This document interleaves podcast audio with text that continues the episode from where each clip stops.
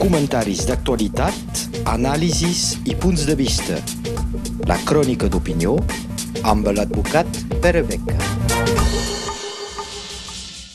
Bon dia. Els catalans, i especialment els de Catalunya Nord, de l'estat francès, no ens pot deixar indiferent la situació de Còrsega. Quins són els fets? Un nacional corsa, Ivan Colonna, ha sigut condemnat a perpetuïtat per una jurisdicció francesa especial de més alt nivell per haver matat en premeditació el prefecte Irinyac.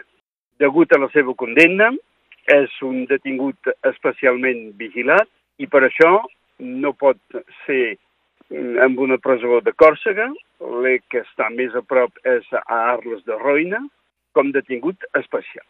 Fins aquí la llei francesa s'aplica. El que passa és que, tot i siguent un detingut molt vigilat, un altre codetingut, que segons sembla és islàmic però no sé què vol dir exactament, després d'una baralla l'intenta matar. El que passa és que aquest intent d'assassinat dura, segons les càmeres de vigilància, 8 minuts, durant les quals ningú se n'adona i cal que sigui el propi altre detingut, l'agredor, que alerti els vigilants i que puguin intervenir.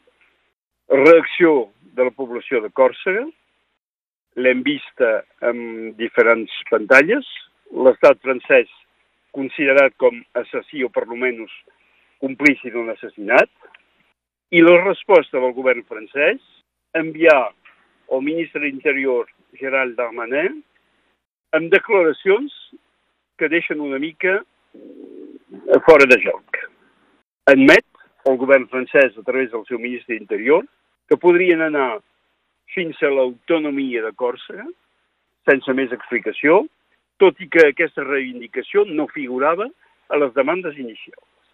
Tot això necessitaria explicacions. La presa en compte de les reivindicacions còrsegues no són cap novetat. Còrsega, durant molts anys, ha mantingut una lluita armada convertida ja 10 anys en lluita només política, deixant les armes, amb un cert èxit, ja que Còrsega, els còrsecs controlen la totalitat de les institucions, crec que tres diputats sobre quatre són autonomistes, la presidència de la regió és autonomista, i que la pausa de les armes, en qualsevol manera, ha sigut un fet positiu. Per tant, la realitat administrativa i econòmica no segueix Còrsega està afectada per una immigració suau, la pujada de valors immobiliaris posen els corses fora de joc econòmicament i el paro queda, malgrat tot, amb un nivell elevat. Doncs la pregunta que podem tenir és eh, quina és l'explicació d'aquesta actitud del govern francès. I la primera idea que ens ve és de pensar que a un mes de la primera volta de les eleccions presidencials és una explicació de tipus purament electoral no volen tenir el risc d'un fenomen de tipus armilles grogues, no volen tenir el risc d'agitació i de moviments, perquè finalment a Còrsega el moviment ha sigut immediat, però tanmateix bastant organitzat i molt violent, de molt alt nivell. El que vol dir que, més o menys, encara que la situació particular de Colonna no pugui ser prevista, era un moviment preparat per algun moment i que han agafat aquesta ocasió, com moltes vegades a la política passa, per expressar aquesta voluntat de rediscutir l'Estatut de Còrsega. Però, per tant, que el govern francès immediatament, probablement amb l'idea de desenxufar la crisi, admeti la possibilitat d'una reconsideració de les institucions, és molt rar, perquè la violència, si era certa, tampoc era de tan alt nivell. I llavors la segona pregunta és si és una explicació de tipus resposta electoral, no ens trobem en un perill pitjor, perquè un moment o altre es faria evident, després de les eleccions, potser les promeses del govern no seran mantingudes de reconsiderar l'Estatut de Còrsega. I això, lligat a la possible falta de legitimitat del president de la República degut a l'abstenció molt probable a aquestes eleccions, podria crear una situació que posaria en dificultat tota la política portada fins ara, inclús l'E dels ciutadans de Còrsega que han acceptat de fer de manera legal el procés cap a l'autonomia o cap a la independència. Renunciant a la violència, acceptant el debat electoral, han tingut el control de les institucions a Còrsega, però quedarien totalment discreditats si, malgrat 7 o 8 anys d'exercici del poder, no hagin pogut obtenir el que en dos dies de manifestacions hauria passat desbordat per la base, desbordat pels joves, i hauria fet que un pas polític important sigui complert sense que hi hagi una organització política i un debat real.